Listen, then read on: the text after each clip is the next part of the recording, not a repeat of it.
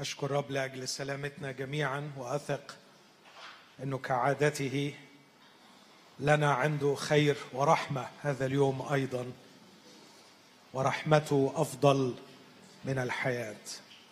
ومن أروع مراحم الرب بنا أن يجلسنا عند قدمه ويعلمنا كلامه. أشكر الله لأجل الأفكار التي يريد أن يطهرنا بها. يقول الرب يسوع أنتم الآن أنقياء لسبب الكلام. والرسول يصادق على هذا ويقول أن المسيح أحب الكنيسة ويقدسها مطهرا إياها بغسل الماء بالكلمة. فغاية ما أقدمه وما يقدمه إخوتي خدام الله من كلمة الله هو تطهير الكنيسة وتجهيزها للقاء عريسها المحبوب. أحاول أسترجع معكم في هذه الخدمات شيء عن الإنجيل كقوة التغيير. ذكرت وأكرر وأؤكد انه من خبرتي بالنفس البشرية وما حدث فيها لا رجاء لها لكي تتغير بعيدا عن الإنجيل. والإنجيل هو ديناميت يفتت الصخور. الإنجيل هو قوة الله للخلاص. والخلاص هو حالة تغيير شامل وكامل من وضع أخلاقي سيء ووضع وجودي ضائع منهار إلى حياة صحيحة.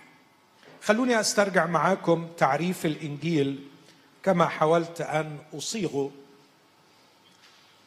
هو خبر صار من الله بخصوص دعوة مقدمة منه بالنعمة لكل إنسان. مهما كانت خلفيته جنسيته ديانته طالما أنه إنسان فهذا الخبر مقدم له.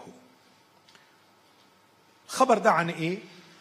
الله يدعو الإنسان للتصالح معه.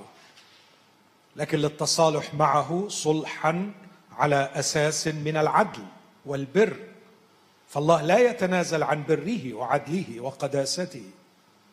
لذا هذه الدعوة للتصالح كما رتب الله لها أن تكون ليس من خلال دين لكن من خلال شخص يسوع المسيح الذي ليس بأحد غيره الخلاص. لكن نوعية العلاقة بالمسيح لن تكون اعتناق عقيدة علم بها أو حتى إعجاب بشخصه لكن من خلال الاتحاد به. الاتحاد بيسوع المسيح. هذا هو معنى الإيمان في المفهوم المسيحي.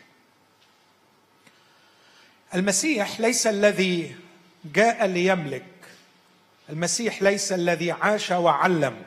لكن المسيح الذي مات وقام.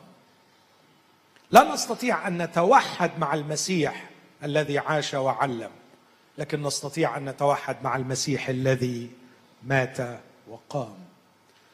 وعندما يقبل الشخص هذه الدعوة ويتوحد مع المسيح الذي مات وقام بعمل الروح القدس طريقة سرية عجيبة ما أعرفش أشرح لك الميكانيزم بتاعتها لكني متيقن من حدوثها أن الشخص يتوحد مع المسيح حتى أن يسوع عندما ظهر لشاول الطرسوسي الذي يضطهد الكنيسة يقول له لا لماذا تضطهد الكنيسة؟ لكن لماذا تضطهدني؟ هناك اتحاد. قال يسوع تعلمون في ذلك اليوم أنكم أنتم في وأنا فيكم. بولس يقول من التصق بالرب فهو روح واحد ممكن أعدد عشرات الآيات التي تشرح مفهوم الإيمان في المسيحية. ليس اعتناق عقيدة لكن توحد مع شخص. عندما يتوحد الشخص مع المسيح ينال به شيئا في الحال ويدخل إلى مشروع يستمر طول العمر. وأرجو إن الكلمتين دول يكونوا واضحين. ينال بالاتحاد بالمسيح شيئا في الحال لكن يدخل إلى مشروع يستمر طول العمر. هكذا قال الرب لبولس في أعمال 26 إني اخترتك لكي أرسلك لتكون شاهدا شاهدا للأمم ليرجعوا من ظلمات إلى نور ومن سلطان الشيطان إلى الله لينالوا بالإيمان بغفران الخطايا ونصيبا مع المقدسين. ننال شيئا في الحال هو غفران الخطايا. لكن بهذا الاتحاد ندخل إلى مشروع. ينال بالإيمان به غفران الخطايا ونصيبا مع المقدسين. نصيب في إيه؟ الجماعه دول باسمهم المقدسين يعني الخاضعين لعملية تقديس. سيجري الله فيهم مشروعا عظيما هو التقديس. وعشان كده الجماعة دول اسمهم المقدسين. اللي لا يستسيغ هذه الكلمة لا نصيب له في هذا المشروع. نصيبا مع المقدسين. مشروع ضخم يجريها الله في المقدسين الذين يجري فيهم عملية التقديس. فالتقديس عملية مستمرة. يصلي الرب يسوع للآب قدسهم. في حقك كلامك هو حق ولأجلهم أقدس أنا ذاتي لكي يكونوا هم أيضا مقدسين في الحق. إنها رحلة العمر. أن ننمو في القداسة. هذا المشروع ممكن يتوصف من ثلاث زوايا. يتوصف بالفداء وده ليه معنى بالمصالحة ودي ليها معنى. بالتبني وده ليه معنى لكن الثلاثة شغالين مع بعض بس ما فيش وقت نشرح الفواصل الجميلة بينهم. لكن أيضا هذا المشروع يجري الله المثلث الأقانيم فالآب يعمل والابن يعمل والروح يعمل. الآب يقول الابن يقول له قدسهم في حقك فالآب يقدسنا. الأب يؤدبنا لكي نشترك في قداسته. والروح القدس يقول عنه الرسول أمر عظيم إنه تم فينا الخلاص بغسل الميلاد الثاني وتجديد الروح القدس. فالروح القدس بيعمل رينوفيشن مهندس تجديد شغال 24 ساعة في في الكيان الداخلي. فالروح يعمل. ويسوع مطهرا إياها بغسل الماء بالكلمة. ويقول من أجلهم أقدس أنا ذاتي ليكونوا هم أيضا مقدسين. فالأقانيم الثلاثة تعمل في هذه العملية الكبرى التي يدخل إليها كل من يقبل يسوع المسيح. فأنت خاضع لعملية دعك وغسل وتنظيف وتشكيل وتأديب وتهذيب وتعليم. مش دخلت؟ رفعت إيدك؟ هللويا. رايح السماء. نقضيها كنايس ومؤتمرات بعد كده. مش كده. مش كده خالص. مش نقضيها تنطيط بعد كده. لكن نقضيها تهذيب وتطوير وتغيير وتقديس وتأثير وأعمال إبداعية جديدة تصنع فرقا في هذا العالم. على الأقل نخفف شيئا من الألم الموجود فيه. ده دور الكنيسة عمود الحق وقاعدته. لكن هذا المشروع بوصفه بهذه الأوصاف. إيه اللي بيحصل في الفرد نفسه؟ وحطيته باللون الأحمر علشان يبقى مفهوم إن هي دي عملية التغيير اللي بتجري حاليا. في تغيير يجري. به بالمشروع ده بالعمليات دي كلها اللي بيعملها الثالوث الأقدس يسترد للإنسان انسانيته التي تشوهت. أغلى كائن على قلب ربنا هو الإنسان. وأكثر مشروع حزن قلب الله هو الإنسان. لدرجة إنه تأسف في قلبه أنه عمل شعر بحزن عميق لكن بكل جرأة المغامر القوي الشجاع قرر إنه يستعيد الإنسان. لن أستسلم للحزن واليأس. لن أفرط في هذا الكائن. لن أتراجع عن مشروعي أن يكون هناك كائن اسمه إنسان مخلوق على صورة الله. هجيبه. هجيبه هجيبه. حتى ولو اقتضى الأمر أنزل في صورته وأموت من أجله علشان أسترجعه.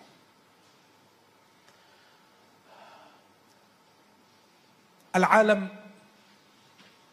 لا تنقصه علوم. ولا تنقصه فلسفة ولا تنقصه تكنولوجي ينقصه الإنسان. ما فيش بشر. بقي في حيوانات. أو ظلم للحيوانات أقول. ظلم. لكن أصبح هناك مسوخ لا بشر. يعيشون كالحيوانات غير الناطقة.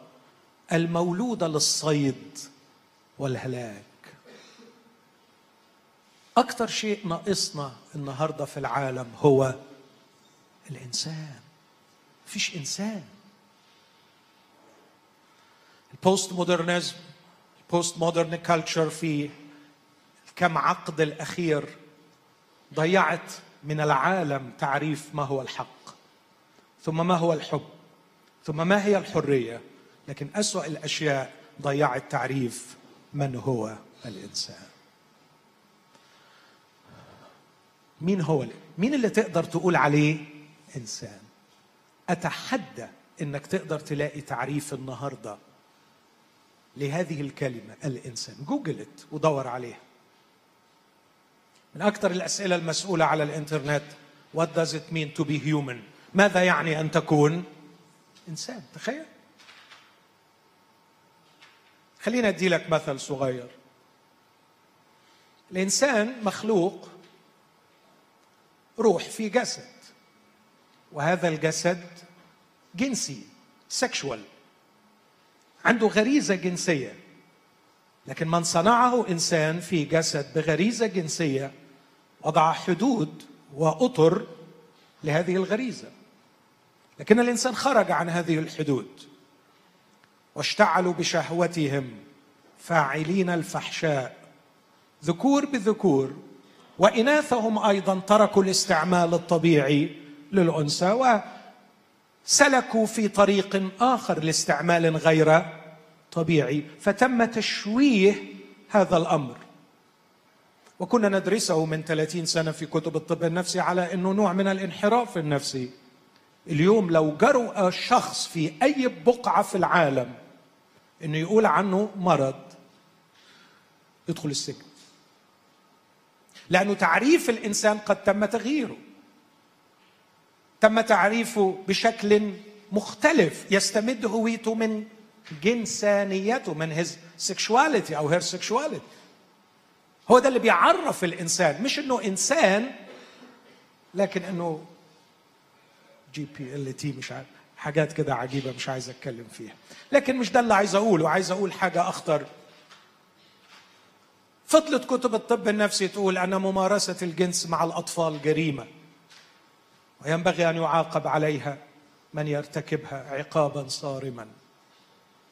لكن منذ بضعة أسابيع قليلة بدأت تنتشر ملصقات في كاليفورنيا. بيدوفيلز are people too. الذين يمارسون الجنس مع الأطفال هم أيضا بشر. ولا أستبعد ابدا أنه في خلال سنوات قليلة تشرع قانونيا. لقد ضاع من الإنسان أسمى ما يملك انسانيته بإمعاء تليفون محمول بإمعاء أفخم السيارات بس ما بقيش معاه إنسانيته. ضاعت الإنسانية. ولا أعرف معهدا أو مؤسسه تستعيد للإنسان انسانيته إلا إنجيل يسوع المسيح. إلا كنيسة الله على الأرض هي مصممة لكي أستعيد فيها إنسانيتي. عشان كده بيوجع قلبي قوي إن ألاقي الناس في الكنيسة مش إنسان. اليوم بياكلوا بعض أحيانا بطريقة غبية زي الوحوش. اليوم بيقسوا أحدهم على الآخر. بيفتروا بعضهم في بعض. بيخونوا بعضهم بعض. بيخونوا. يطمع الواحد منهم على امرأة أخيه. في داخل الكنيسة. هذا الشر حدث في يوم من الأيام. في أيام ارميا والرب بيقول له أرميا أما تنتقم نفسي من هذه؟ أما أعاقب على هذه? يقول الرب. أرميا بيقول له في إيه؟ قال له اتفرج. لما أشبعتهم زنوا. وفي بيت زانية تزاحموا. صاروا حصنا معلوفة سائبة. صهلوا كل واحد على امرأة صاحبه. تخيل. لما يقول صاروا حصنا حصنة يعني. معلوفة سيبة يعني فقدوا إيه؟ إنسانيته إخوتي ما استغربش لما أشوف فقدان الإنسانية في المصايف في البارات في الحفلات. فقدان الإنسان لإنسانيته. قال لي أحد أكبر رجال الأعمال في مصر. ورجل ابتدأ روح الله يعمل فيه. قال لي يا أخي أنا منزعج بشدة. العيلة عندي بتلزمني أني أروح. وإحنا في الساحل نروح حفلة من الحفلات. وأنا بكتئب بشدة. بكتئب بشدة لما بروح. بقول له ليه بتكتئب؟ قال لي بقعد أتأمل في البشر. بيبدأوا الحفلة الساعة 11 بيبقوا very decent people ناس كويسين عاديين. قال لي بس مع مرور الوقت أراهم يتحولوا إلى حيوانات. وحوش. على الصبح لا يمكن تقول إنك قاعد وسط بشر. هذه ليست شهادتي. هذه شهادة رجل مستنير مثقف رجل أعمال يعيش هذا الواقع. يقول لي على الصبح بتفرج على طريقة كلامهم تعاملهم نظراتهم بعضهم لبعض. طريقة فجة شرهة وحشية. أكثر شيء بطلع بيه هؤلاء لا يمكن أن يكونوا بشرا إخوتي إذا لم نكن في الكنيسة نستعيد انسانيتنا إذا ما كناش نبقى إنسان. في إحدى الكنائس العربية الكبيرة في أمريكا كانت هناك سيدة دائما تشكي أن أولادها كارهين الإيمان مبتعدين عنه. بعدين في يوم من الأيام بتكلمني بتقول لي الحمد لله بنتي أخيرا حبت الكنيسة وبتروح. فبقول لها إيه اللي حصل؟ إيه الجديد؟ قالت لي في آه، خادم جديد جه. كاهن. والحقيقة عمل تغيير كبير. قلت لها رائع. ممكن تقولي لي إيه أكتر حاجة بنتك يعني عجبتها في هذا الشخص؟ قالت لي حاجة غريبة. قالت لي رجعت بتقول لي أخيرا يا ماما لقيت إنسان. الراجل ده إنسان. على فكرة الناس مش محتاجة مواهب فزة ولا علم كبير. الناس محتاجة إنسان. إنسان. يروا فيه نموذجا يلهمهم لإرواء عطشهم نحو تغيير وتقدم يصل بهم إلى إنسانيتهم. إنهم يريدون أن يكونوا بشرا لكنهم فقدوا الطريق. إنجيل المسيح هو قوة التغيير لاستعادة إنسانيتنا التي تشوهت. ده اللي بيعمله المسيح. كراسي الكنايس ما تحولكش لإنسان. عضوية اللجان ما تحولكش لإنسان. ارتقائك للمنابر وترنيمك ووعظك وتعليمك ما يحولكش إلى إنسان. أؤكد لك هذا. عمري ما شفت واحد الوعظ بيحوله إلى إنسان. لكن قوة إنجيل المسيح والعلاقة المغيرة مع شخص يسوع المسيح. ومش محتاجينك تبقى سوبرمان محتاجينك تكون إنسان. إنسان. به يسترد للإنسان إنسانيته التي تشوهت.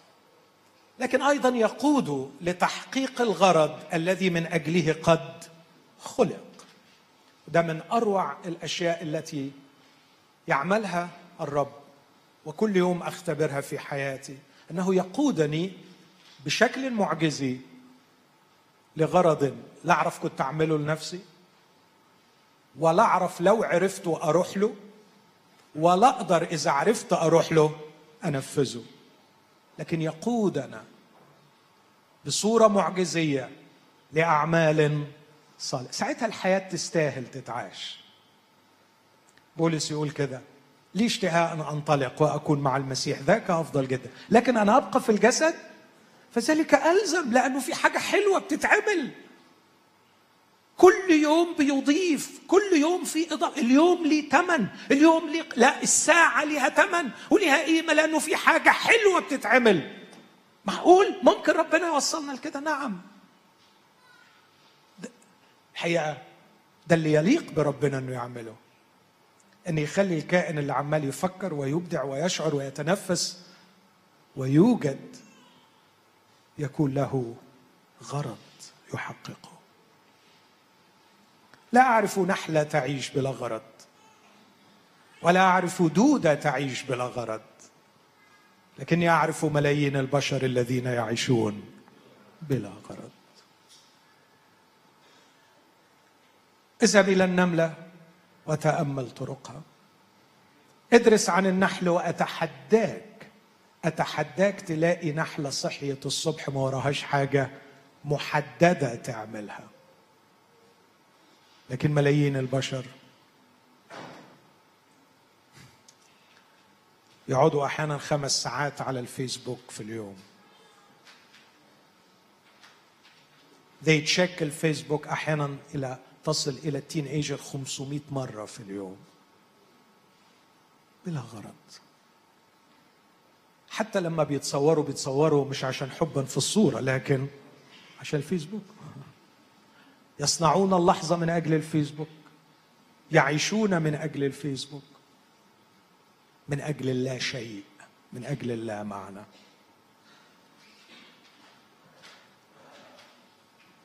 عملية التغيير غرضها داخلي استعادة إنسانيتي غرضها خارجي استعادة الغرض. فأرى نفسي أتغير أخرج من شرنقتي كدودة. لأحلق كفراشه ككائن جديد يكتشف أجواء جديدة يعيش فيها فيتغير. ميتامورفوسز عمال يتغير بيتغير. أراها في صورة الحياة الطبيعية. كيف أن الدودة تدخل إلى شرنقتها؟ لا لكي تنام لكن تنتظر لكي تتحول إلى فراشة تخرج وتحلق. لكن أيضا أتجه نحو الغرض. فيحقق له في الزمان الحاضر في الزمان الحاضر وده اعتقادي الشخصي إنه مش هينفع يحصل في المستقبل. يحقق له في الزمان الحاضر شخصيته الفريدة. اللي ما فيش منها تاني. ووجوده الأصيل وأقصد بوجوده الأصيل أن يحقق وجودا على الأرض اوثنتيك اصيل وليس تكرار لصور نمطية موجودة في المجتمع أو في التاريخ. يحقق وجودا. بحث عنه الفلاسفة بحث عنه علماء النفس ولم يعرفوا كيف يصلوا إليه. تكلموا كثير عن حاجة اسمها authentic existence وجود أصيل وما عرفوش إزاي يحققوه. لكن بولس يقول به نحيا ونتحرك ونوجد ونحقق هذا الوجود. شخصية فريدة ووجود أصيل. تميز في الشخصية تميز في الوجود. وجودي ليس مجرد تكرار لأنماط اجتماعية بكررها بعيش القصة الاجتماعية. أهو اتولد أهو اتعلم أهو دخل الجامعة اسم الله عليه. أهو اتخرج أهو جبنا له واسطة أهو اشتغل الحمد لله. وبعدين الفرحة الكبيرة. هيتجوز. وبعد ما يتجوز اهو هيخلف. وبعد كده خلاص ألبس في الحيط خلاص. خلاص خلص. هو المجتمع آخره كده على فكرة ما عندوش حاجة أكتر من كده. وعلى فكرة الحكاية دي عملوها قبلك ملايين الناس ملايين المرات. وعندنا في مصر دلوقتي 520 حالة طلاق كل يوم. مشروع. هو ده اللي هتعيش له؟ هي دي الخيبة. هو ده هو ده الحلم الكبير؟ إيه إيه الملل ده؟ إيه الزهق ده؟ إيه الفشل والخيابة دي؟ هو ده الحلم هو ده الحلم نتخرج نشتغل نتجوز نخلف ذاتس خلص حكاية مملة خيبه ممكن يبقى ليها قيمة لما تكون في إطار قصة أعظم فيبقى جوازك إصلاح وتهذيب لتدريب وتطوير الشخصية المشابهة للمسيح. فتبص لمراتك بفرح وتقول لها أنت عطية من الله ليا لأنك فيكي هتعلم أحب زي ما حب المسيح. غليسي عليه زي ما أنت عايزة. هتغير. هتغير. هتغير وأحبك زي نفسي. وعلى حسك أتخلص من أنانيتي وتمركزي حول نفسي. هذا هو دور الزواج على فكرة في الحياة. بجد هو كده.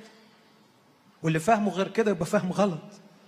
الزواج فرصة عظيمة. أتحرر من مركزية الذات وأبقى شبه يسوع. وأجيب عيال. وأربيهم ليه؟ واشوفهم وهم بيخدموه ونافعين في ملكوته. يبقى ساعتها الواحد خلف بس ساعتها ليها قيمة الخلفة. هذه القصة الصغيرة إذا كانت هي الغاية هي قصة حقيرة قصة مملة لكن قد يكون لها قيمة عظيمة إذا كانت في إطار قصة كبرى. وفي هذه الحالة بولس قال على فكرة ما تفرقش تتجوز أو ما تتجوزش بالعكس قال من لا يزوج يفعل. أحسن مش مشكلة. المهم إنك تكون عايش موهبتك وعايش مشيئة الله من جهتك. المهم إنك تكون بتتمم الإرادة الصالحة المرضية الكاملة. العجيب جدا بقى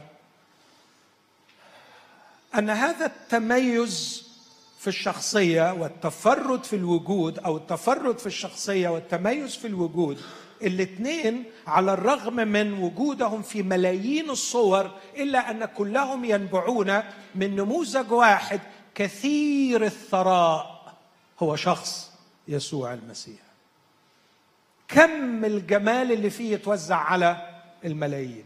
كم الثراء في وجوده العظيم الذي حققه. يجعله يستطيع أن يوجد ملايين الوجودات الأصيلة لكل من يتبعه لكل تلميذ. له. لكن الإنجيل يمتد مستقبلا لفداء الجسد وفداء السماء والأرض والسماوات الجديدة والأرض الجديدة. اذا عملية التغيير تنحصر في هذا الجزء اللي هو استرداد إنسانية الإنسان واسترداد الغرض الذي ضاع أو قيادته للغرض عشان تتحقق الشخصية الفريدة والوجود الأصيل. الجزء اللي بالأحمر ده هو الأساس اللي عايز أركز عليه. هذا الجزء يحتاج إلى كما ذكرت منهجية ويحتاج إلى بيئة وله غاية اللي أنا واصفها يعني. وده اللي بيوصفه في روميا 12 وده اللي هحاول أتوقف عنده في الوقت اللي باقي. منهج التغيير المنهجيه اللي فيها نتغير. إخواتنا اللبنانية دايما بكرر عندهم تعبير لطيف بيسخروا بيه من الواقع المسيحي يقولوا تجدد وتمدد اتجدد وتمدد لكن اللي المفروض يكون اتجدد وتجدد وتجدد وتجدد ويحدث التغيير. بس التغيير ده محتاج منهج. إيه هو المنهج؟ هو العبادة الحقيقية.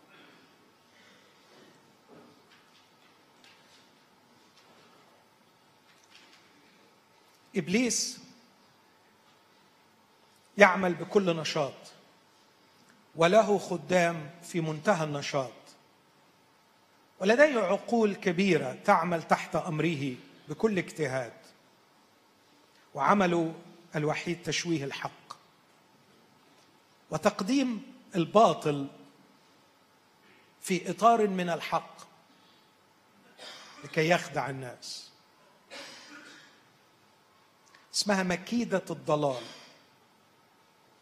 إبليس لا يقدم الضلال سافرا لكن يقدمه بصورة ديسيفينج صورة مخادعة.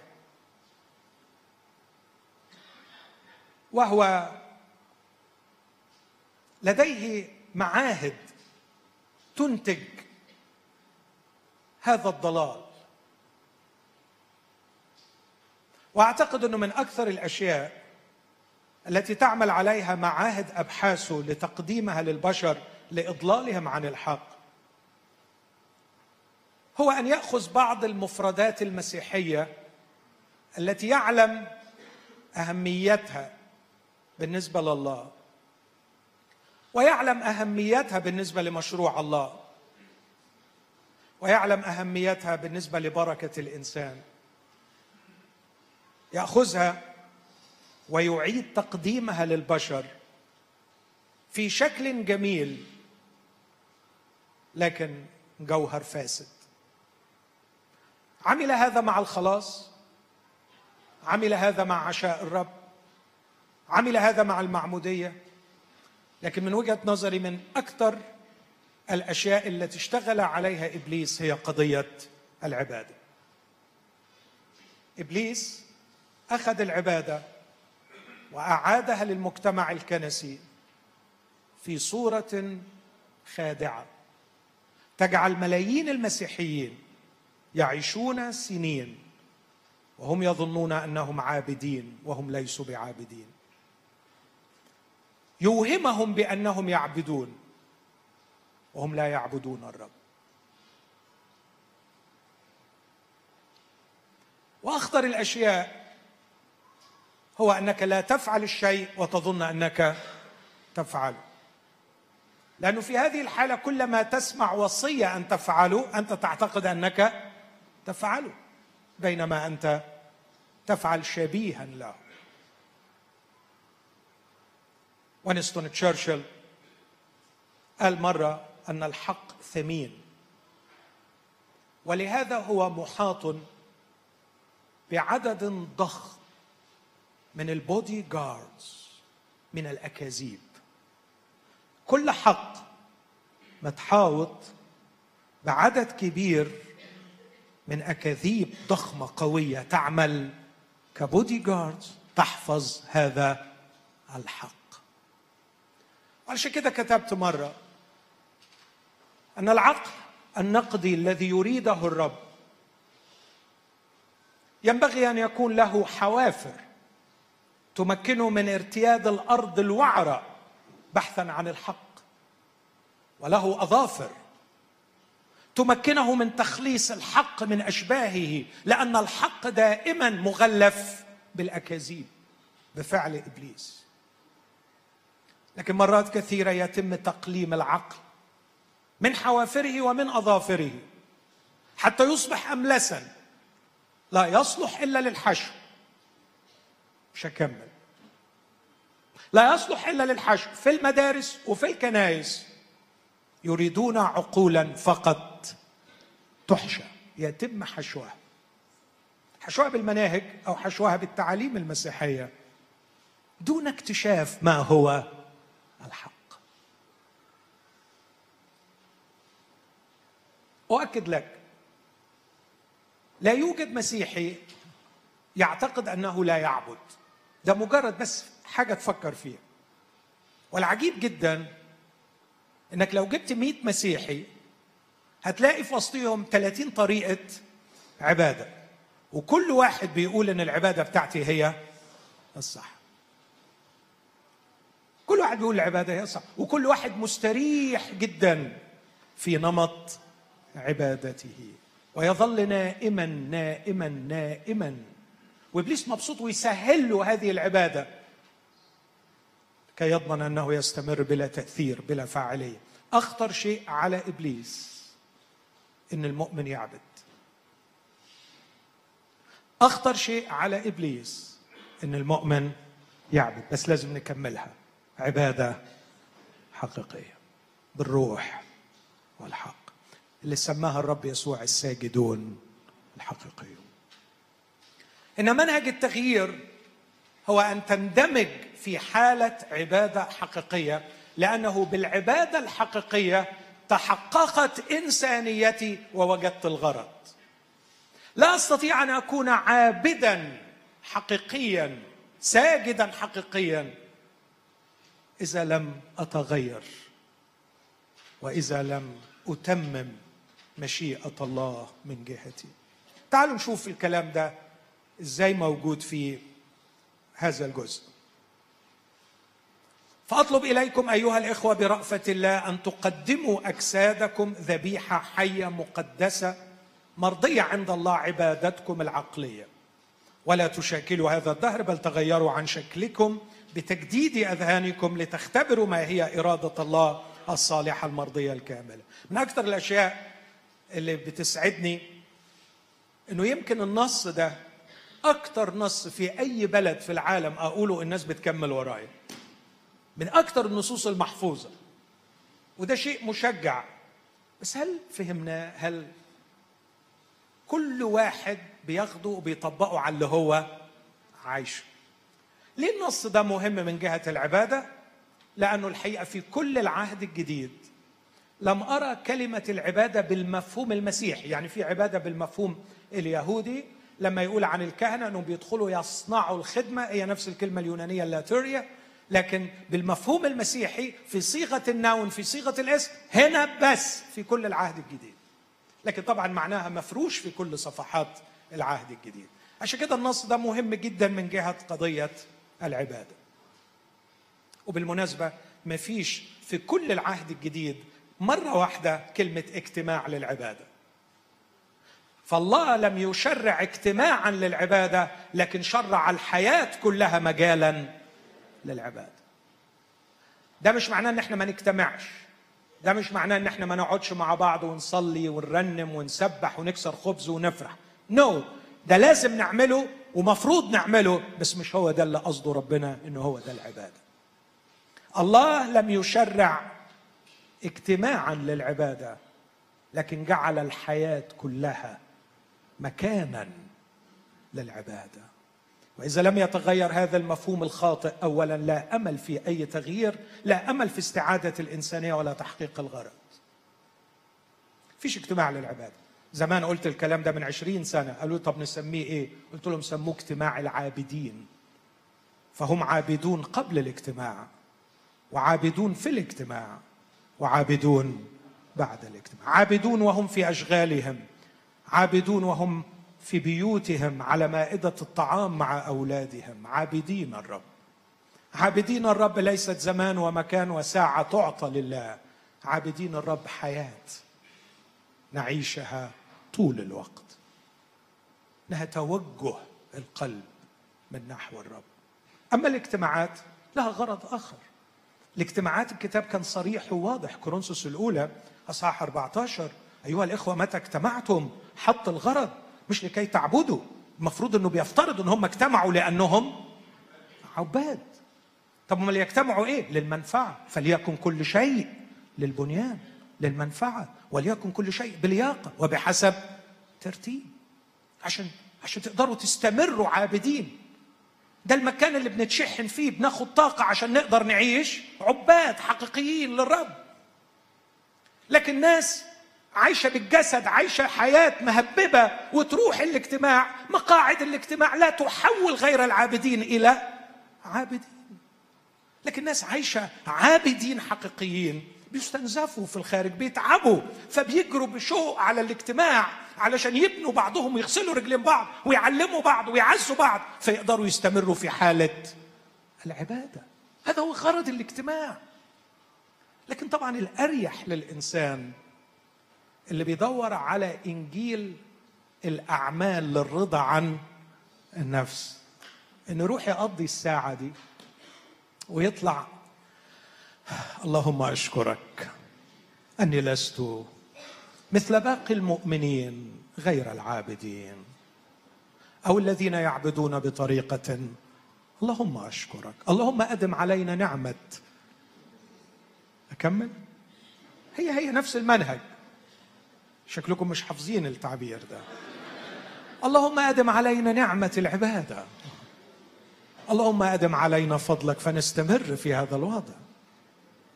شعور بالأفضلية. اللهم أشكرك إني لست مثل باقي الناس. بس هو مش عابد. مروحك كنيسة تقعد لك ساعة ونص وتطلع ده مش معناه إطلاقا إنك عابد. تعالوا نشوف إيه العبادة الحقيقية. فأطلب إليكم أنا أخذها كلمة كلمة وأكتفي النهاردة أو الاجتماع ده. أطلب إليكم. عجيبة اللغة دي. كلم الرب موسى قائلا أوصي بني إسرائيل لا تكن لك آلهة أخرى أمامي. يأتي بولس يقول فأطلب إليكم. في فرق؟ في فرق. في فرق واو على جو النعمة ما أعظم جو النعمة التي صار لنا بالإيمان بالمسيح الدخول إليها والإقامة فيها. في هذا الجو من النعمة حيث تمت المصالحة وحيث عرفت أبي أنه لا يظن بالعجل المسمن علي وتغيرت صورته في ذهني فأصبحت احبه وأشتهي العلاقة معه. لقد تخلصت من حماقاتي القديمة. عندما كنت أتصور أن السعادة بعيدا عنه رجعت إلى أبي واحببته وفي جو النعمة التي فيها أقيم أسمع اخا أكبر في العائلة غير الأخ الأكبر الشرير. أسمع بولس يكلم إخوته ويقول أطلب إليكم أيها الإخوة برأفة الله. أن تقدموا أجسادكم ذبيحة حية. أطلب إليكم استنهاض القلب الجديد استنهاض القلب المغسول المطهر استنهاض القلب العمران الذي تجدد. بركه من بركات العهد الجديد أجعل شريعتي في قلوبهم وأكتبها في أذهانهم. فلا يعلمون بعضهم بعضا. اعرف الرب لأنهم سيعرفونني من الكبير إلى الصغير. إن روعة المسيحية اسمعوني يسمع الله لكم ليست أوامر ونواهي آتية من الخارج لكن اشواق نابعه من الداخل. الأخلاقيات في المسيحية وطاعة الرب في المسيحية ليست أوامر ونواهي تملى من الخارج لكنها أشواق ورغبات نابعه من الداخل. لقد غير قلبي غير كياني فصارت وصيته ليست ثقيلة علي. أطلب أتوسل إليكم ممكن تترجمها أتوسل اليه يص بلغة الحب يستنهض القلب الذي تجدد طبعا القلب اللي ما تجددش الكلام ده إذا كانش نفع معاه لو ما عملتش هتبقى ملعون يا ملعون. ما هو ده الناموس. هتتلعن لو ما عملت. طب وده ما نفعش. لا تكن لك آلهة أخرى أمامي ولا أحرقك أنت واللي جابوك. قال لهم كده وحرقهم. ونزل من فوق لقيهم. بيعبدوا العجل. أصله مش مدركين أن الضربة أعمق من الجلد أن الضربة عميقة في الكيان. المصيبة اللي جوه كبيرة قوي ما ينفعش معاها غير معجزة عظيمة قوي يعملها الروح القدس أنه يغير قلبي. وعلى فكرة لو قلبك ما تغيرش أنت مش مسيحي أنت مش مؤمن. ومش عيب أقول لك كده دلوقتي بدل ما هو يقولها لك على الباب في الآخر ويبقى مصيبة ساعتها وتقول يا ريتني كنت صدقته لما صرخ فيا وقال لي أنت مش مؤمن. خليني أقولها لك تاني علشان ابري ضميري. لو قلبك ما تغيرش أنت مش مؤمن. وكثيرون في ذلك اليوم سأقول أصرح لهم إني لم أعرفه. أنت منتمي للكنيسة أنت منتمي للعقائد أنت منتمي للتعليم أنت بتمارس الخدمة أنت بتوعظ أنت بترنم أنت أنت كل ده ممكن. تقول طب أنا أعرف إزاي يتغير قلبي ولا ما القداسة. إيه أخبار حياة القداسة؟ عايش في القداسة. التي بدونها لن يرى أحد الرب. عايش حياة التغيير والتجديد. غسل الميلاد الثاني وتجديد الروح القدس. وصيهم يا تيتوس وصيهم يا حبيبي وصي يا تيتوس الكريتيين. قل لهم إنهم يكونوا حلماء غير مخاصمين مظهرين كل وداع لجميع الناس. وصيهم أعلى الوصايا. بولس يقول له حيل حيلك. ده الكريتيين دائما كذبون وحوش رضيه بطون بطل يقول له لا. حين ظهر لطف مخلصنا الله لا بأعمال في بر عملناه لكن خلصنا بغسل الميلاد الثاني وتجديد الروح القدس. أمال إيه لازمة غسل الميلاد؟ إيه لازمة تجديد الروح القدس؟ إذا كنت هتقول لي هم وحوش ردية ولسه فاضلين ما أقدرش أوصيهم وأقول لهم تكونوا حلماء وغير مهزومين وودعاء و و سبع وصايا يطلبها من الكريتين اللي كانوا وحوش ردية. إذا ما حصلش التغيير ده أنت مش مسيحي أنت مش مؤمن. طب بعمل معجزات عملوا معجزات. طب بطلع شياطين طلع شياطين وانت شطان صدقني. طب أنا غلطان ولا كلام المسيح؟ كلام المسيح. كثيرون في ذلك اليوم سيقولون لي يا رب يا رب أليس باسمك؟ تنبأنا وباسمك. أخرجنا شياطين وباسمك صنعنا قوات كثيرة حينئذ نصرح لهم إني لم. مش لا لم. ما تعرفناش على بعض قبل كده. حينئذ جاءت بقية العذارى جايين فرحانين يتمختروا. حاجة كده تشبه الانجيلين عموما يعني. جايين يتمختروا ماسكين المصابيح بتاعتهم وأعطينا من مصابيحكن لأن مصاب من زيتكن لأن مصابيحنا تنطفئ. ورايحين جايين رايحين جايين ولما وصلوا العريس دخل والمستعدات دخلنا وأغلق الباب. لكن للأسف بيقرعوا افتح لنا. ما أعرفكمش. ما أعرفكمش. ما تقابلناش. يا دي المصيبة ما تقابلناش أمال ده أنا ميزانيتي اتهرت مؤتمرات. إزاي ما تقابلنا؟ أمال كل الوعظ اللي أنا سمعته الكنائس اللي أنا رحتها والخدمات. حبيبي كنت بتقابل الكنيسة. كنت بتقابل الكنيسة. كنتش بتقابلني. كنت في علاقة مع المقدسات. وليست مع القدوس. كنت في تعاطي مع الأشياء المقدسة دون تعاطي معه. طب أنت تعاطيت معه في هذا الصباح؟ كلمته؟ حكيت معاه؟ بوسته إيه ده بقى؟ الدلع ده. وهو يتباس؟ آه يتباس. يتباس ونص. بصراحة هو الوحيد اللي يستاهل يتباس. تتباس ايديه وتتباس رجليه وتنحني أمامه؟ طبعا. تعترف له؟ امال اعترف لمين؟ واقول له على أخطائي؟ امال أقولها لمين؟ ما حدش يستحملني إلا هو. وأرجو تغييري امال أرجوه منين؟ أحبه. وأحكي معاه. عندما يصل الاجتماع أن يكون هو مكان التقائي به. لا يمكن أن أكون عضو في جسده لكني عميل يزور معاهده. انت بتزور معهد من معاهده على الأرض تروح تزور.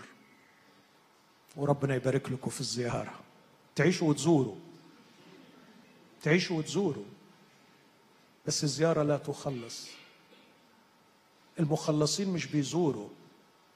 النعمة التي نحن فيها مقيمون. عيشة معاه حياة معاه. وأنت في هذا الجو بولس يقول أطلب إليكم.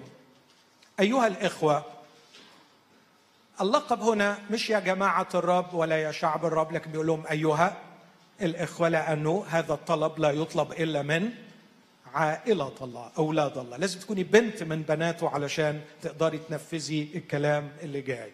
فهذا الكلام موجه للإخوة مش مقصود طائفة الإخوة لكن المقصود المؤمنين اللي هم أولاد الله أيها الإخوة. ودي عايز أحط تحتها خط تاني. لو مش من الإخوة لو مش من أولاد الله صعب إنك لا مستحيل إنك تنفذ الكلام اللي جاي. برأفة الله. عجيبة قوي يقول أطلب إليكم برأفة الله. أطلب إليكم في ضوء ما تقصده لكم رأفة الله. مش المفهوم الخاطئ؟ أستجديكم بحق رأفة الله. يعني حرام ربنا واقف وأحشاؤه موجوعة وبيقول لكم اعملوا معروف اعبدوني. لا من فضلكم الصورة الذهنية دي صورة ساذجة سخيفة. يعني لو تقدر تعمل ديليت ليها من فضلك امسحها تماما. لكن أطلب إليكم برأفة الله إني أرى فيضان أحشاء الله من جهتكم فيضان رأفة الله تجاهكم إن رأفة الله تريدكم أن تعبدوه لأنكم ستكونوا أصحاء فرحين ناجحين إن رأفة الله لا تتحمل أن تراكم غير عابدين. تخيل؟ أقول العبارة دي بقوة إن رأفة الله من جهتكم لا تتحمل أن تراكم غير عابدين.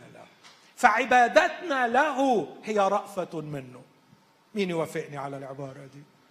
عبادتنا له هي مش مش يعني بنجبي عليه. عبادتنا له الحقيقية العبادة الحقيقية رأفة منه. لكن لاحظ إن ده يتضاد. لو أنت أمين مع نفسك بس العبارة دي تقدر تعرفك إذا كانت عبادتك حقيقية ولا لا. أنت بعد ما بتروح تعبد طبقا لمفهومك إني أعبد بتطلع حاسس بضميرك مستريح الحمد لله ما قصرتش. ولا لو انت عايش العبادة شاعر انك ممتن ان ربنا بيخليك تعبده. دي دي لوحديها كافية انها تنقذك من الضلال لو انت أمين وعايز تفكر صح.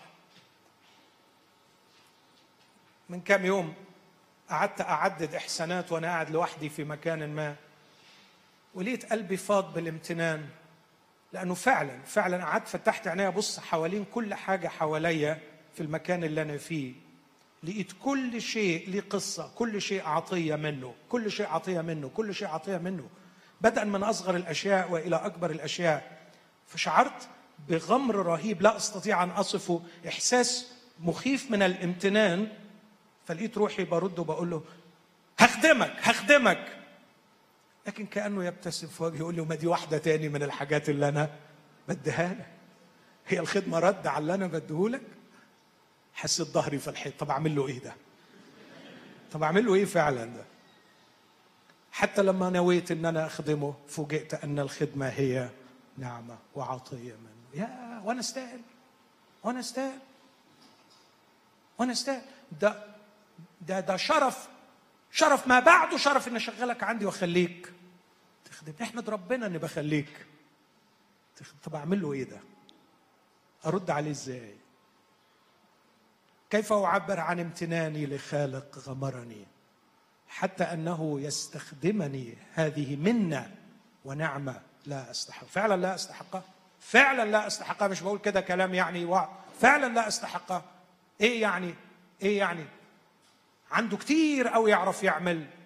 أحسن مني مليون مرة. لكن هي نعمة إنه يخلي واحد يخدمه. العبادة هي رأفة الله. أطلب إليكم برأفة الله. أن تقدموا. بعمل كتيب صغير بسميه لاهوت التقديم theology of offering. لأنه مسألة التقديم ماشية في الكتاب كله لكن من أكثر الأشياء اللي باينة فيها هي الكهنوت. فاللي قادم اللي داخل يقدم ذبيحة ده بيعمل إيه؟ ها؟ بيكهن. أو اللي بيكهن لازم يقدم ذبيحة. وإحنا أحبنا غسلنا من خطايانا بدمه جعلنا ملوكا وكهنة فلما تفتح عينك الصبح أول حاجة على سريرك لما تفتح عينك قول أنا ملك وأنا كاهن. شغلة الملك يدير. والكاهن يقدم. وأنا النهاردة هطلع للعالم. سأدير هذا الجسد لحسابك وسأقدم هذا الجسد ذبيحة لك. ده شغلة الكاهن. الكاهن لو ما عندوش حق يقدمها ما هوش كاهن. بس إيه اللي نقدمه له؟ هقول حاجة بين قوسين وبعدين انقل عندما درست كل تقديمات العهد القديم اختلفت بشكل رهيب. فيها كل حاجة فيها النبات وفيها الحيوان فيها المذبوح وفيها اللي مش مذبوح فيها كل حاجة فيها كل حاجة بس حاجة واحدة تربطهم كلهم إنهم إشارات للمسيح. راجع معايا الفكرة دي لو والحقيقة لو ما كانش فيها إشارات للمسيح تبقى لغز غير مفهوم. فكنت بقول دايما في العهد القديم طلب الله من شعبه أن يقدموا له كل ما يشير إلى المسيح. في العهد الجديد يريدنا أن نقدم المسيح. لكننا أصبحنا لا نقدم المسيح ولا نقدم ما يشير للمسيح لكننا نقدم كلام عن المسيح. خلي بالك من الفكرة دي لأنها خطيرة. ماذا يعني أن نقدم المسيح؟ ككهنة نقدم المسيح. هنشوف مع بعض لما نكمل الآية. أن تقدموا أجسادكم. كلمة جسد في اللغة اليونانية تيجي مرة σώμα مرة σαρξ لما يقول σαρξ بيقصد الطبيعة البشرية أحيانا زي ما يقول مثلا الجسد يشتهي ضد الروح أو حتى الطبيعة البشرية في نقائها لما يقول الكلمة صار جسدا يقصد σαρξ برضه يقول σαρξ يعني الطبيعة البشرية الكلمة صار بشرا. لكن مرات تيجي σώμα و σώμα يعني بيها الجسم ودي ما تجيش على الطبيعة البشرية أبدا لكن تيجي عن الجسد الحرفي إيديك وعينيك وراسك وشعرك ودانك وإيديك وعقلك ومخك وكل ما هو جسدك جسمك. الذبيحة اللي ربنا عايزها هي أجسامنا. معلش خلينا خلينا نمشي كده واحدة واحدة ونكون حرفيين شوية في الحتة دي. لأنه الرسول يعني ما يقول. قدموا أجساد يبقى ربنا عايز جسمي. إيه بقى جسمي ده؟ هقول لك كلمتين عنه تقدر تلينك بيها تربط بينها وبين مفهوم العبادة ومفهوم الذبيحة. الجسم أنا مسميه بنك الطاقة لعمل الإرادة. عارفين ال power bank اللي بيتباع ده؟ عشان لما ال battery بتاعتك تشطب. في جهاز في جهاز. الجهاز ده عجيب وغريب. بيعمل حاجات غريبة بس ما يعرفش يعملها بدون طاقة. الجهاز هو إرادتي إرادتي الحرة الخلاقة المبدعة. ارادتي الحرة التي تستخدم عقلي الخلاق الواعي. إرادتي تقدر تعمل حاجات كتير في الدنيا. بس عشان تعمل الحاجات دي محتاجة لجسدي. حاول تفكر إرادتي في هذا العالم بدون الجسد عاجزة تماما عن أن تعمل ما ترغب. اذا يوجد كيان روحي في داخلي يسكن في هذا الجسد. هذا الكيان حر عاقل مبدع يرغب في أن يعمل أشياء كثيرة لكنه لا يستطيع أن يعملها بدون هذا الجسد. لو أصيب شخص الرب يحميكم بشلل رباعي وصار محصورا في مكان أعتقد إنه إمكانياته لفعل ما ترغبه إرادته بيحصل لها إيه؟ بتقل كتير. فكلما كان الجسد سليما يمكنني من فعل إرادة نفسي. فالجسد خدام للإرادة. والحقيقة في فترة موتي وبعدي عن الله كانت إرادتي مستعملة جسدي بكل طاقته كنت بعمل ثلاث حاجات. كنت بعمل مشيئات الجسد والأفكار. وكنت بسلك حسب دهر هذا العالم. يعني بعمل إرادة الناس. لكن كمان كان في إرادة ثالثة بعملها وأنا مش واخد بالي. حسب رئيس سلطان الهواء. الروح الذي يعمل الآن في أبناء المعصيه فالباور بانك بنك الطاقة كان بيخدم على ثلاث قوى إرادة الناس إرادتي إرادة الشيطان. لو حللت حياتك وكتبتها موقف موقف قبل ما تيجي للمسيح مش هعمل أكتر من ثلاث أعمدة وهوري لك عيانا بيانا قدامك. عمود كنت بتعمل فيه إرادتك وده أصغر عمود. وعمود تاني كنت بتعمل فيه إرادة الناس وعمود ثالث كنت بتعمل فيه إرادة الشيطان. تقول لا لا سمح الله لا يمكن أكون عملت إرادة الشيطان. لا. أفكار فجائية تجيلك. حتى التلاميذ في مرة داخلهم فكر من عسى أن يكون أعظم. وكان الفكر ده منين؟ الشيطان. لما الرب يسوع يقول لبطرس اذهب عني يا شيطان. بطرس يقول يكفي زمان الحياة الذي مضى لنكون عملنا إرادة الأمم. لنعيش الزمان الباقي لإرادة الله. يبقى كنا بنعمل إرادة الناس. يعني إيه نعمل إرادة الناس؟ يعني مثلا اليومين دول كل الستات في كافيهات مصر بيشيشوا. فيبقى كله يعمل إيه؟ يشيش. كل الناس بيروحوا يشتروا الحاجة الفلانية. يبقى نروح نشتري. يمكن مش عيب إنك تشتري. أنا مش معترض. ممكن تكون تشتري حاجة حلوة قوي بس السؤال مش اشتريت إيه؟ لكن لما عملت كده ليه؟ اشتريت ليه؟ لأنه الناس بتعمل كده. في كل مرة طب هنرنم لأن الناس بترنم. يبقى فعلت إرادة الناس. هندي لعمل الله لأنه ابن عمي إدى. يبقى بتعمل إرادة الناس. دي محتاجة كلام تاني كتير ولا واضحة؟ تالي واضحه مفيش داعي أضيع فيها وقت. أرجع تاني وأقول الجسم بنك الطاقة لفعل الإرادة. عشت كل أيام عمري مدووش عقلي مسيطر عليه. أتلقى أوامر من رغباتي فأنفذها هذه إرادتي. وأشعر بضغط من المجتمع حولي فأرقد معهم وأعمل ما يعملون. ثم تنتابني أفكار فجائية لا أعرف مصدرها لكني أسرع لإنجازها وأحيانا تكون ملحة بشكل رهيب مش عارف أقاومها. فكان جسدي يخدم إرادة الناس إرادة الشيطان وإرادتي. عبد. لكن في معجزة حصلت. في معجزة كبيرة حصلت. جاء الرب وأنقذني. الله الذي هو غني في الرحمة. من أجل محبته الكثيرة التي أحبنا بها. ونحن أموات في الخطايا. أحيانا مع المسيح. على فكرة أنا النص ده هو كملت اللي كنت بقوله من شوية. سلكنا حسب ظهر هذا العالم حسب رئيس سلطان الهواء عاملين مشيئات الجسد. ولا هو ده الموت. هو ده الموت. طلعني منه. طب طلعني منه بقى. طلعني منه. لكي أعيش الزمان الباقي لإرادة الله.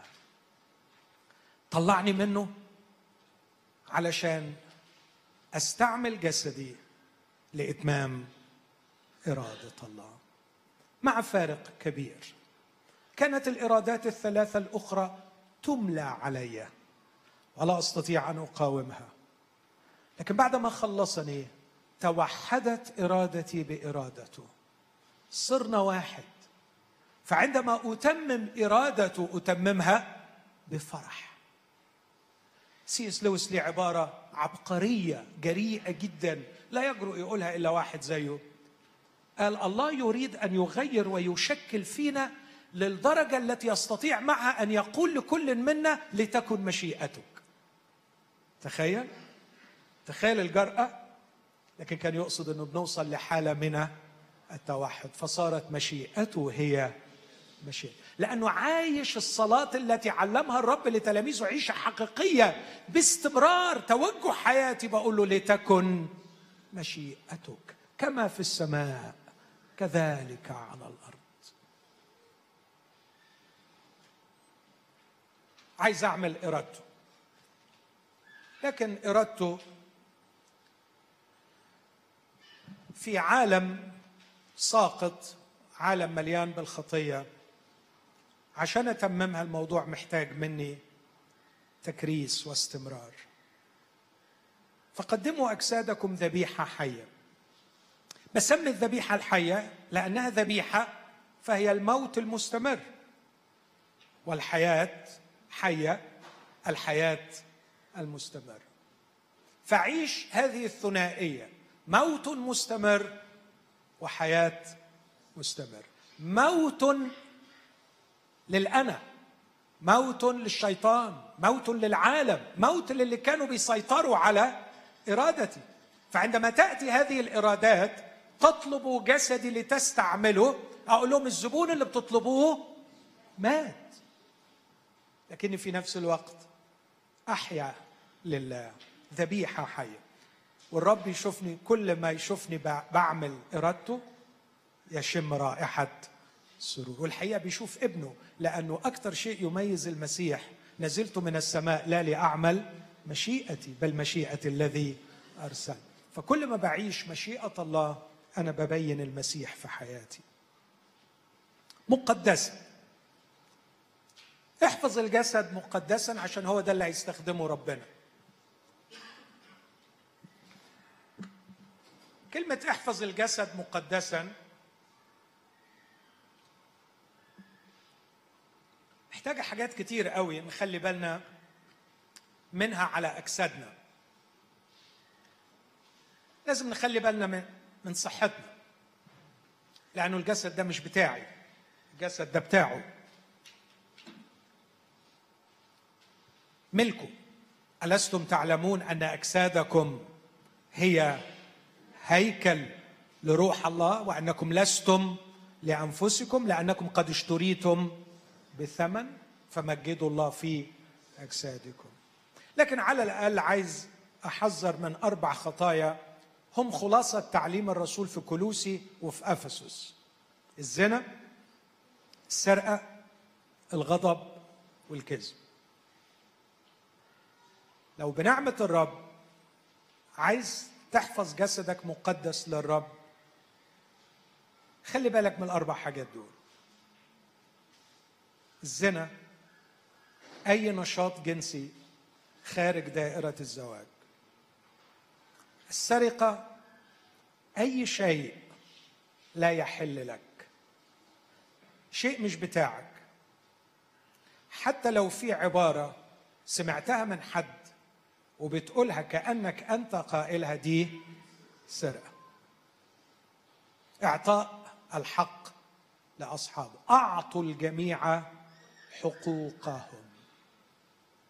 في ناس بتعاني بعنف في ناس بتتألم صارخة لأن حقوقها اغتصبت. الحقوق الأدبية وليست فقط الحقوق المادية. الاستيلاء على أفكار شخص زي الاستيلاء على أرض شخص زي الاست... بالعكس أحيانا بتكون أفكار الشخص هي كل ما يملك. أعطوا الجميع حقوقهم. كان المسيح له المجد. يقول موسى قال يا حبيب قلبي هو مين اللي علم موسى ومين اللي ادى موسى؟ بس المسيح يقول موسى قال أخلاق عالية. الغضب. الغضب زيه زي الزنا والسرقة في إن في محتوى شرعي. الزنا أساسا شيء صالح مبني على شيء صالح. عفوا امسحوا العبارة اللي فاتت دي. مبني على شيء صالح. إن عندك الرغبة الجنسية ودي نعمة وعطية من الله. لكن إدارة سيئة له. السرقه هو أن لديك إرادة وقوة أن تحصل على شيء. دي نعمة من عند ربنا. إنك تقدر يعني خلي بالك الراجل الحرامي اللي طلع على المواسير ونط وكسر الشقة ودخل وخد البوتاجاز. أكيد ما خدش البوتاجاز بس يعني الراجل ده عنده صحة مش كده؟ وعنده ذكاء وعنده خطط. كل دي حاجات حلوة بركة لكنه أدارها إدارة سيئة. فالخطية في النهاية هي إدارة سيئة لبركات عظيمة. إدارة غبية. الغضب كمان الغضب في الداخل شيء مقدس. تبقى مصيبة لو ما نغضبش. وفي ناس كتيرة عايزة إله لا يغضب لكن الحقيقة الله بيغضب. هذه مشاعر الله. الغضب شعور. على فكرة الله لما بيدين مش بيدين بالغضب بيدين بالعدل. لكن ده ما يعنيش إنه ما عندوش مشاعر. غضب بيغضب. فأنت ممكن تغضب بس أرجوك ما تخليش غضبك يستعمل جسدك بطريقة سيئة. فخلي بالك خلي بالك وانت بتعبر عن غضبك. ليكن كل إنسان مسرعا في الاستماع مبطئا في التكلم مبطئا في الغضب. الكذب. الكذب. أيضا هناك إدارة سيئة لأشياء جميلة. أحيانا نريد أن نؤثر على الناس نريد أن ننجو من المخاطر نريد أن نحقق غرض معين؟ بس احذر من أن تدير هذه الرغبات الشرعية بطريقة شريرة فتضطر أنك اللسان. أعتقد ده ما يدنس الجسد. ما يجعل الجسد غير صالح للعبادة. إحنا هنعبد ربنا بإيه دلوقتي؟ دي المفروض نكون طلعنا بيها. بإيه؟ بأجسادنا. أجسادنا اللي هنتمم بيها إرادة الله ومشيئته في الحياة في هذا العالم. فعايزين نحفظ الجسد مقدس من هذه الخطايا الأربعة. مرضية عند الله. ليه ربنا بيسعد؟ لأنه يسعد بصلاحنا ونجاحنا. بيفرح لما بيشوفنا بنطلع الصلاح وبيفرح لما بيشوفنا ناجحين. مش بالأصوات الجميلة. مش بالوعظ الصحيح لكن بأن إحنا بنعمل حاجات صح. عبادتكم هذه هي العبادة. عبادتكم العقلية بالمقابلة مع الغير منطقية والغير مفهومة. كانت العبادة الوثنية عبادة غير منطقية بالمرة لأنها لإله مجهول. أنتم تسجدون لما لستم تعلمون. الذي تتقونه وأنتم تجهلونه فالعبادة الوثنية غير منطقية مش لوجيك لأنها تتم لإله لا يعرفونه. العبادة اليهودية عبادة غير منطقية أيضا بس مش لأنها مبنية على جهل لكن لأنه الطريقة اللي بيعبدوا بيها غير مش غير منطقية لكن غير غير مفهومه هو كان فاهم ليه يطلع الحصاله بتاعت فرخي الحمام ويحطها الناحية الغربية مش الناحية الشرقية وليه يرش على وجه الغطاء مرة بس قدام الغطاء سبع مرات. كان فاهم أي حاجة من اللي بيعمله ده؟ ما كانش فاهم حاجة. العبادة المسيحية عبادة منطقية واعية. فيها وعي إني سأستعمل إرادتي لإتمام مشيئة الله. اوعوا يعني تحبطوني ويكون طول ما أنا بتكلم مخنا رايح على اجتماع العبادة. وعمال تطبق هو أنا إزاي أطبق الكلام ده جوه؟ تعرف لو بتعمل كده بجد بجد هاخد شنطتي وأروح. ان إحنا من أول الاجتماع طلعنا العبادة من جوه الاجتماع وخليناها في الدنيا في الحياة. واحد بيعمل إرادة الله بيتمم مشيئة الله. لكن بيقول ولا تشاكلوا لا تتشكلوا. أنا ما أعرفش دي حاجة إيجابية ولا سلبية لكن فيها إيجابي وفيها سلبي. لما يقول لا تشاكلوا أو لا تتشكلوا هذا يعني أن كياننا في حالة سيولة قابلة للتشكيل. ودي حاجة إيجابية ولا سلبية؟ ممكن تكون إيجابية. إذا تشكلت للأفضل وممكن تكون سلبية إذا تشكلت للأسوأ. فدي نعمة بس لازم تكون حريص وتخلي بالك لئلا تتشكل بطريقة خاطئة.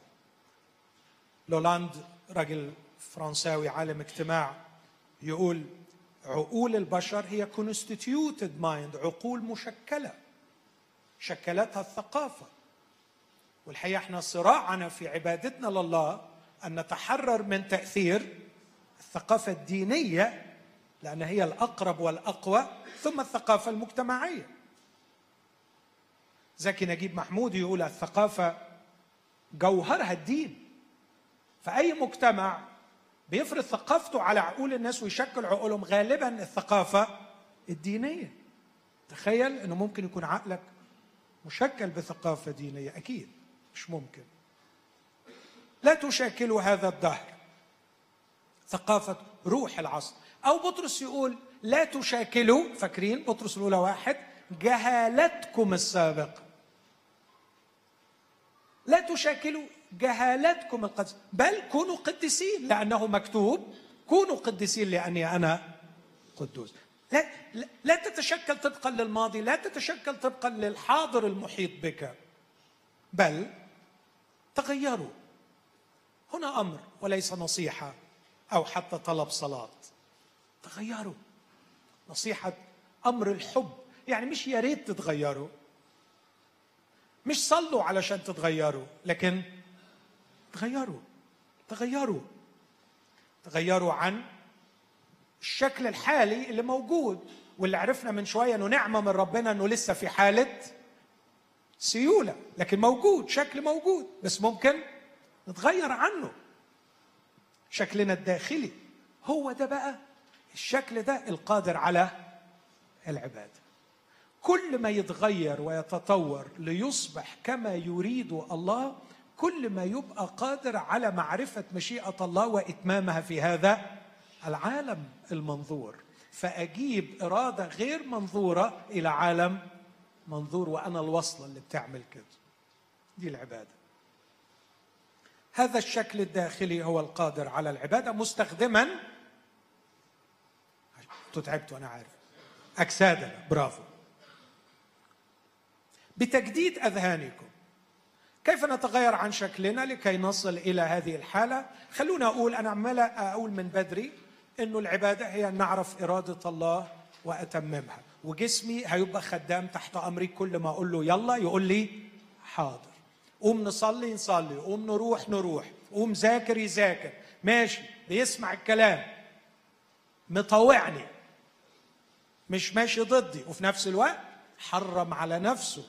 إنه يتمم إرادة آخر لأنه في جوازه وعهد مقدس الجسم ده ما يستعملهوش إلا سيدي. بس الكلام ده كله يفترض إني بعرف مشيئة الله. صح؟ كان ممكن تسألوني من بدري السؤال ده ويمكن بعضكم أحد. يا عم فلقتنا نعمل إرادة الله نعمل إرادة الله. هو إحنا عارفينها. طب بس أعرفها وأنا أعملها. صح سؤال حلو. عشان كده بولس وهو بيتكلم روعة عبقرية. يقول علشان كده لازم عشان تقدروا تعبدوا يعني سلاش تقدروا تتمموا إرادة الله بأجسادكم. أنتم محتاجين تجديد أذهانكم علشان تقدروا تعرفوا مشيئة الله. احتاجوا إلى ذهن مشكل متغير متجدد. قادر على رؤية مشيئة الله. قادر يميز إيه اللي هو مشيئة الله وإيه اللي هو مش مشيئة الله. تغيروا عن شكلكم بتجديد أذهانكم. هرجع للكلمة دي بعد دقيقة. لتختبروا ما هي إرادة الله. لتختبروا القدرة على اختبار كل شيء. تختبروا مش experience. لكن to prove to test to examine. تختبره هنا يعني تبقى قادر إنك تمتحن تميز تعرف. بس في كمان حاجة إيجابية مش بس تميز لأنه تميز ليها كلمة تاني لما يقول في فيليبي واحد تسعة تميزوا الأمور المتخالفة. لكن هنا كلمة مختلفة مش بس تميز تمتحن. في حاجات قدامك لازم تشك فيها. وتقول هي دي إرادة الله ولا مش إرادة الله؟ يا عمي دعوة إنك توعظ لا برضو لازم أقول هي إرادة الله ولا مش إرادة الله. يا عمي يلا نعمل الحاجة دي. حاجة كويسة. لا لازم أعرف هي إرادة الله ولا مش إرادة الله. بس الذهن ده بقى عشان يقدر يمتحن ويميز إرادة الله محتاج إن هو يتجدد. وعشان كده بقول هي إرادة الله تكشف أم تكتشف؟ مم. طبقا للنص ده. تكشف أم عشان ما نجاوبش غلط وده يأثر على درجاتنا في النهاية. هسهل السؤال. يعني هتبقى قاعد كده مغمض عينيك فجأة يحصل الكشف الإلهي وتلاقي الإرادة اتكشفت ولا أنت بتشغل عقلك عشان تكتشفها؟ هو أعلن إرادته. هو أعلن إرادته على فكرة نحن لسنا نعبد إله غامض. إله يعني إله هو هو في حالة تواصل دائم. هو عمال يتكلم على طول. عمال يتكلم على طول عمال يكشف على طول. هو شغال على طول. المشكلة مش فيه المشكلة فينا. إنه ليس لنا العقول المتدربة على التقاط مشيئته. هو بيتكلم هو بيكشف. لكن من يفهم؟ يقول لو وقفوا في مجلسي لعرفوا كلامي. أرجع وأقول طب إزاي بقى نجدد الذهن؟ هو الذهن ده عبارة عن إيه؟ أنا تعبت بس هوضح الفكرة دي وخلاص. ممكن تفكر في الذهن إنه حصالة تحط فيه أفكار وممكن تفكر فيه أداة تتعامل مع الأفكار والاثنين صح. فكر فيها. يعني أنا حافظ حاجات كتير الحاجات دي موجودة جوه ذهني. ذهني هنا عبارة عن حصالة مخزن. في صور في خيالات في أفكار. مليان حاجات. يا ال hard disk مليان حاجات. لكن الذهن مش بس hard disk تملى عليه حاجات لكن الذهن جهاز يحلل يستنتج يتذكر يشك يراجع يمتحن يبني فرضية على فرضية ويطلع بنتيجة يبدع يبدع يتخيل. فهو ليس مجرد جهاز سلبي يملأ لكنه أداة إيجابية تعمل. مظبوط؟ هنا أجيب التشبيه ده. أقول كده الفأس يقطع الأشجار. الذهن يتعامل مع الأفكار. الفأس الذي يقطع الأشجار يتكون من ثلاث أجزاء خشبة حديدة مسمار بيربط الاثنين مع بعض.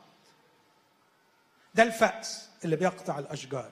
طب الذهن اللي بيتعامل مع الأفكار يحللها ويربطها ويستنتجها ويدربها ويشك فيها ويصححها.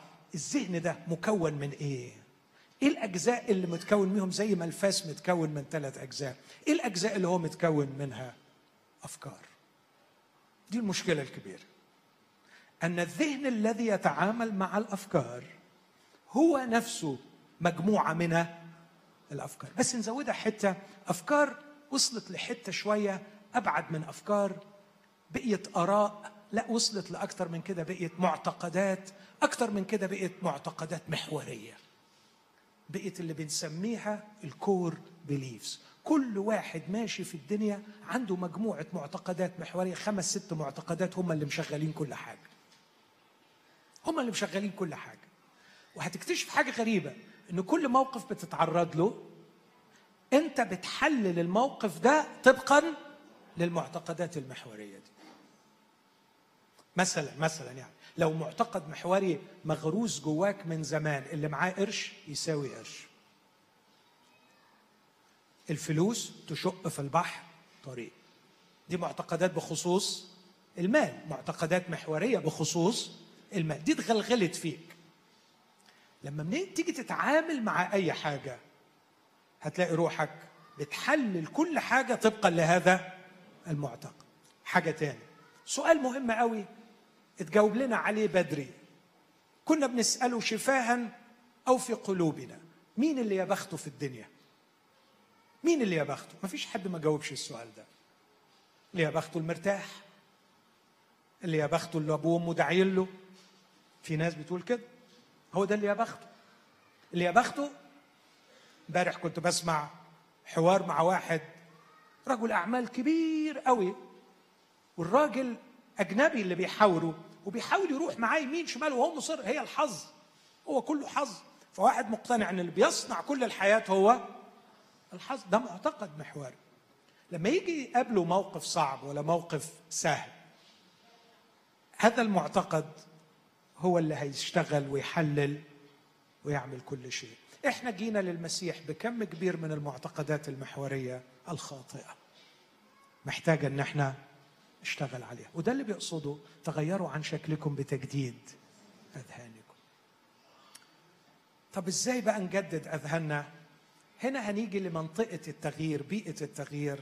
وأنا قاعد مع أخواتي المؤمنين بنقرأ كلمة الله نحضر مؤتمر زي كده. الاجتماعات اللي اتكلمنا عنها لما نقعد مع بعض ونتناقش ونتحاور ونفكر وأعرض مشكلتي على أخواتي. وبعدين واحد من أخواتي يقول لي على فكرة ماهر تعرف أنت بتفكر بالطريقة دي؟ لأنك غالبا بتعتقد كده. أقول له أيوه صح أنا بعتقد كده. طب المعتقد بتاعك ده جايبه منين؟ أقول له آه افتكرت خالتي سعدية ولا عمتي سنية ولا الكنيسة.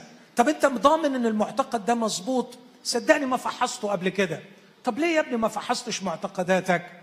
أقول له يعني في حاجات بنعتبرها مسلمات عمرنا ما نفكر فيها. طب خلاص يبقى مش هتتجدد. إذا أردنا أن نكتسب هذا العقل القادر على التقاط مشيئة الله وتمييز إرادة الله لأفعلها لأكون عابدا. أحتاج أن أتغير عن شكلي بتجديد ذهني. تجديد الذهن يغير ذهني لكي أفهم مشيئة الله ويغير كياني فيجعلني قادرا على إتمام مشيئة الله عندما أعرفها. لأنه الذهن الذي يعرف مشيئة الله يحتاج إلى كيان يطاوعه لكي يتمم مشيئة الله ويحتاج إلى جسم مقدس ينفذ في النهاية هذه المشيئة. يبقى ذهن مجدد كيان متغير وجسم مقدس. ذهن مجدد كيان متغير وجسم مقدس. تغيروا عن شكلكم. كيان متغير. بتجديد أذهانكم. ذهن مجدد. قدموا أجسادكم. ذبيحة حية جسد مقدس. ساعتها أكون بعبد الرب. فأعيش يومي معه. أعرف إرادته. وأخرج لاتممها عايز تشوف المثال ده بشكل جميل؟ اتأمل في حياة يسوع. واو. خد أي يوم من أيامه. اتفرج عليه. خده من الصبح بدري. الصبح بدري السيد الرب فتح لي أذنا وأنا لم احد يوقظ لي أذنا كل صباح لأسمع كالمتعلمين. السيد الرب أعطاني لسان المتعلمين لأعرف أن أغيث المعيا بكلمة. فيخرج ليغيث. هذا هو الساجد الكامل. الإنسان الكامل. فيخرج ليرى المرضى والمتألمين ويلمس ويحتضن الأطفال وتجتمع الجموع فيعلم ثم يذهب إلى المجمع ويدخل في خناقة. كان بيتخانق يسوع طبعا. طول الوقت بيخانقوه. طول الوقت. اتخانقوا معاه. وهو يعمل إيه؟ يرد عليهم ويحاورهم لغاية ما يستهلكوه.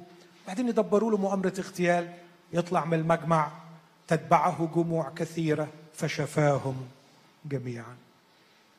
متى ما قدرش يمسك نفسه وهو بيتفرج عليه فيروح كاتب ويقول لكي يتم كلام إشعياء هو ذا فتاي الذي اخترته حبيبي الذي سرت به نفسي أضع روحي عليه فيخرج الحق للأمم. هو ده هو ده الإنسان اللي كل اللي بيعمله بينقل قلبي للعالم بينقل فكري للعالم بيعمل مشيئتي في العالم.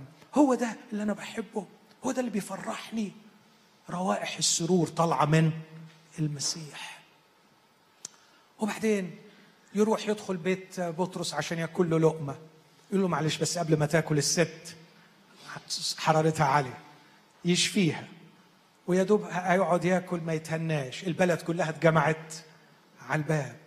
يطلع بره ويضع يديه على كل واحد منهم ويشفيهم. جسمه مقدس لله. وبعدين يروح ينام له معرفش ينام قد إيه ساعة ولا ساعتين وفي الصبح باكرا جدا. خرج إلى موضع خلاء ليصلي. هو ده يسوع. وعاش طول عمره كده. وفي النهاية الأب قال له النهاردة الموضوع كبير شوية. مش عيان هتشفيه ولا أبرص هتلمسه ولا نزفة دم تلمسك ولا طفل تحتضنه ولا بحر تهديه لكن النهاردة الموضوع كبير. إني أريدك إني أريدك أن تسلم نفسك لي لأربطك على الحطب وأضع عليك إثم جميعهم أضع عليك كل سوادهم وعارهم وخزيهم. سألطخك بخطاياهم. سأفسد شكلك بفسادهم. سآخذ كل قبحهم وأخلطه بك. لا بل اسمح لي يا ابني الحبيب أن أضع لعنتهم عليك. فتصير لعنة. فاكتئب وبكى. وكان يدهش وكان عرقه كقطرات دم لكن الكلمة اللي كانت عمالة تتكرر منه لا يكن ما أريد أنا بل ما تريد أنت. إن أمكن أن تعبر عني هذه الكأس لكن لا تكن مشيئتي بل مشيئتك. وساقوه ساقوه وربطوه على الصليب. والرب وضع عليه إثم جميعا. وهناك كان منظره مفسدا أكثر من الرجل وصورته أكثر من بني آدم. كان وهن كان مضروبا ومذلولا لكنه حمل خطية كثيرين وشفع في المذنبين. لذلك أقسم له بين الأعزاء ومع العظماء يقسم غنيمة لأنه سكب للموت نفسه وأحصي مع على أنه لم يفعل ظلما ولم يكن في فمه غش. كانت ذبيحه كان العابد الكامل في كل حياته. ما هي إرادة الله الصالحة التي تحقق ما هو لصالحك؟ المرضية التي تحقق لك الساتيسفايد لايف تحقق لك الحياة المشبعة الناتجة عن هذا الصلاح الكاملة التي تمس كل جوانب حياتك. فتجد انه حياتك كلها متناغمة بعضها مع بعض. مش مش عايش بتوصل في حتة تتقطع من حتة. تنجح في الخدمة تفشل في العيلة. تنجح في الشغل تفشل في الخدمة. نو no, مش دي إرادة الله. ابدا ابدا ابدا. إرادة الله صالحة مرضية كاملة. لما تعيش في مشيئة الله بيظبطها من كل النواحي وتبقى فيها صلاح فيها رضا وفيها كمال. أتمنى أن تخرج العبادة من الأماكن إلى الحياة. أصلي أن يعطينا الرب فهما جديدا. أن تقرر أن تكون عابدا للرب.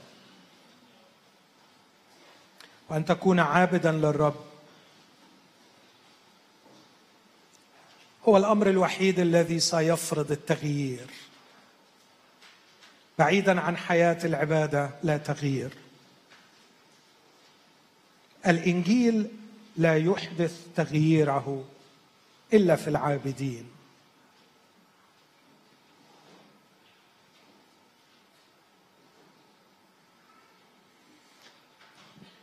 تعال نصف. نقول له سيدي استلم حياتي كرسنها لك. تعالوا بينا نقف. وإحنا بنعيد تكريسنا للرب. أنا امبارح قدمت دعوة للي ما قبلش المسيح يقبله. النهارده هقدم دعوة للي عايز يكون عابد للرب يسوع اللي ما جربش العبادة بالمفهوم اللي أنا قلته ده. هو قرار أيضا هتاخده. استجابة للطلب اللي الرسول طلبه.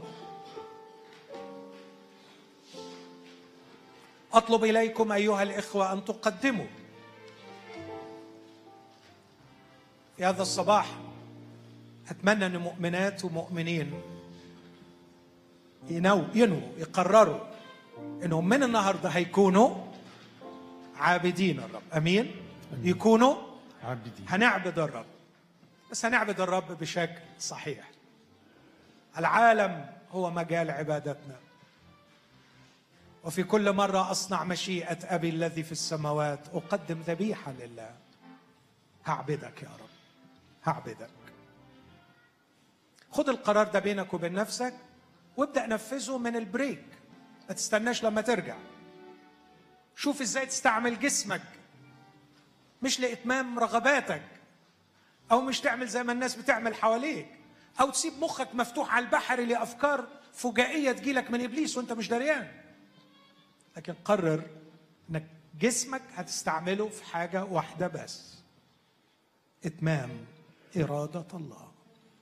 ده ال power bank ده بنك الطاقة اللي ربنا حافظه لي لغاية دلوقتي. سأقدسه للرب. جسمي وعقلي وكل ما لي وفيا. تعالوا نقول للرب الكلمات الحلوة دي.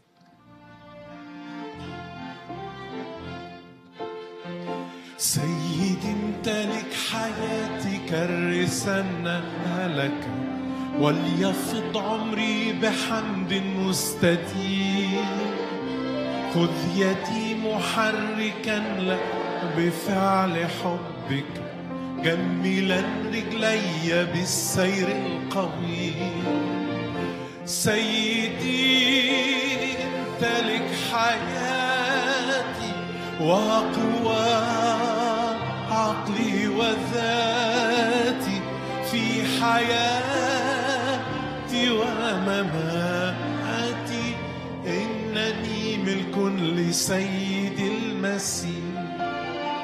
صوتي أحفظ منشدا لاسمي مليكي لا سوى وفمي املأ برسالة الفداء. فضتي وذهبي امتلئ ومالي في الحياة شغلا قوايا كيفما تشاء. سيدي استلم حياتي وقوى عقلي وذاتي في حياتي ومماتي. إنني ملك لسيد المسيح. أنتم لتكن إرادتي كما تشاء بين يدي وليكن قلبي لك العقل وليكن حبي سكيبة طيب عند قدمي. ولتكن نفسي دواما للمسيح. سيدي امتلك حياتي وقوى عقلي وذاتي في حياتي.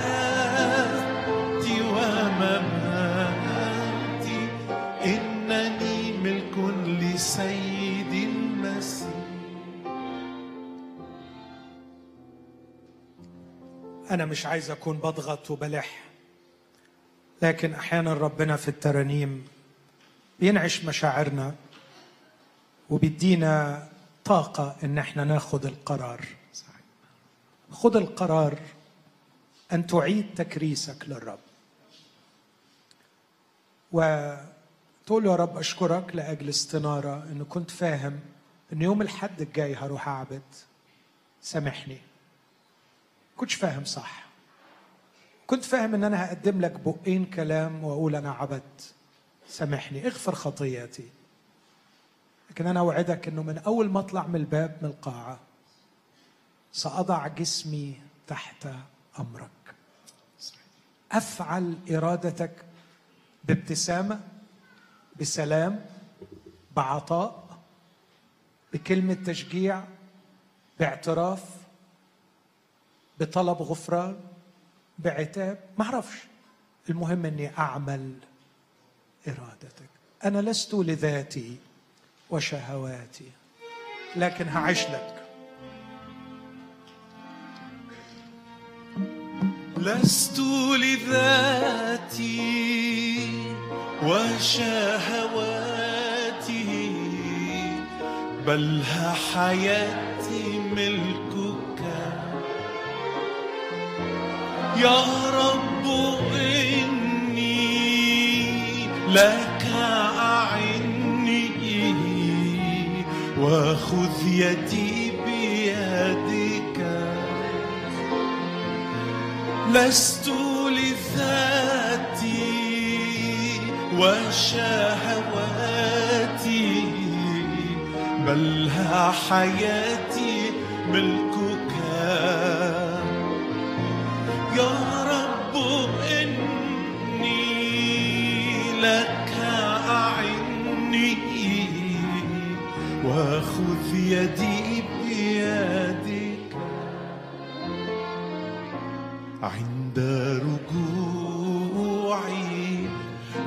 تمسح دموعي وترثدي.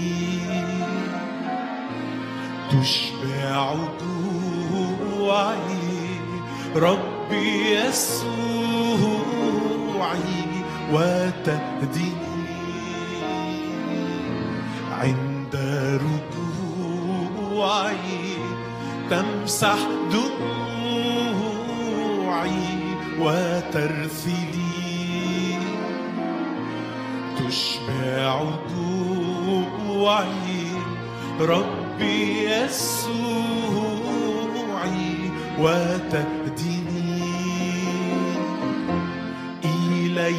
تدنو إليك أرنو مسلما لست لذاتي وشهواتي بل ها حياتي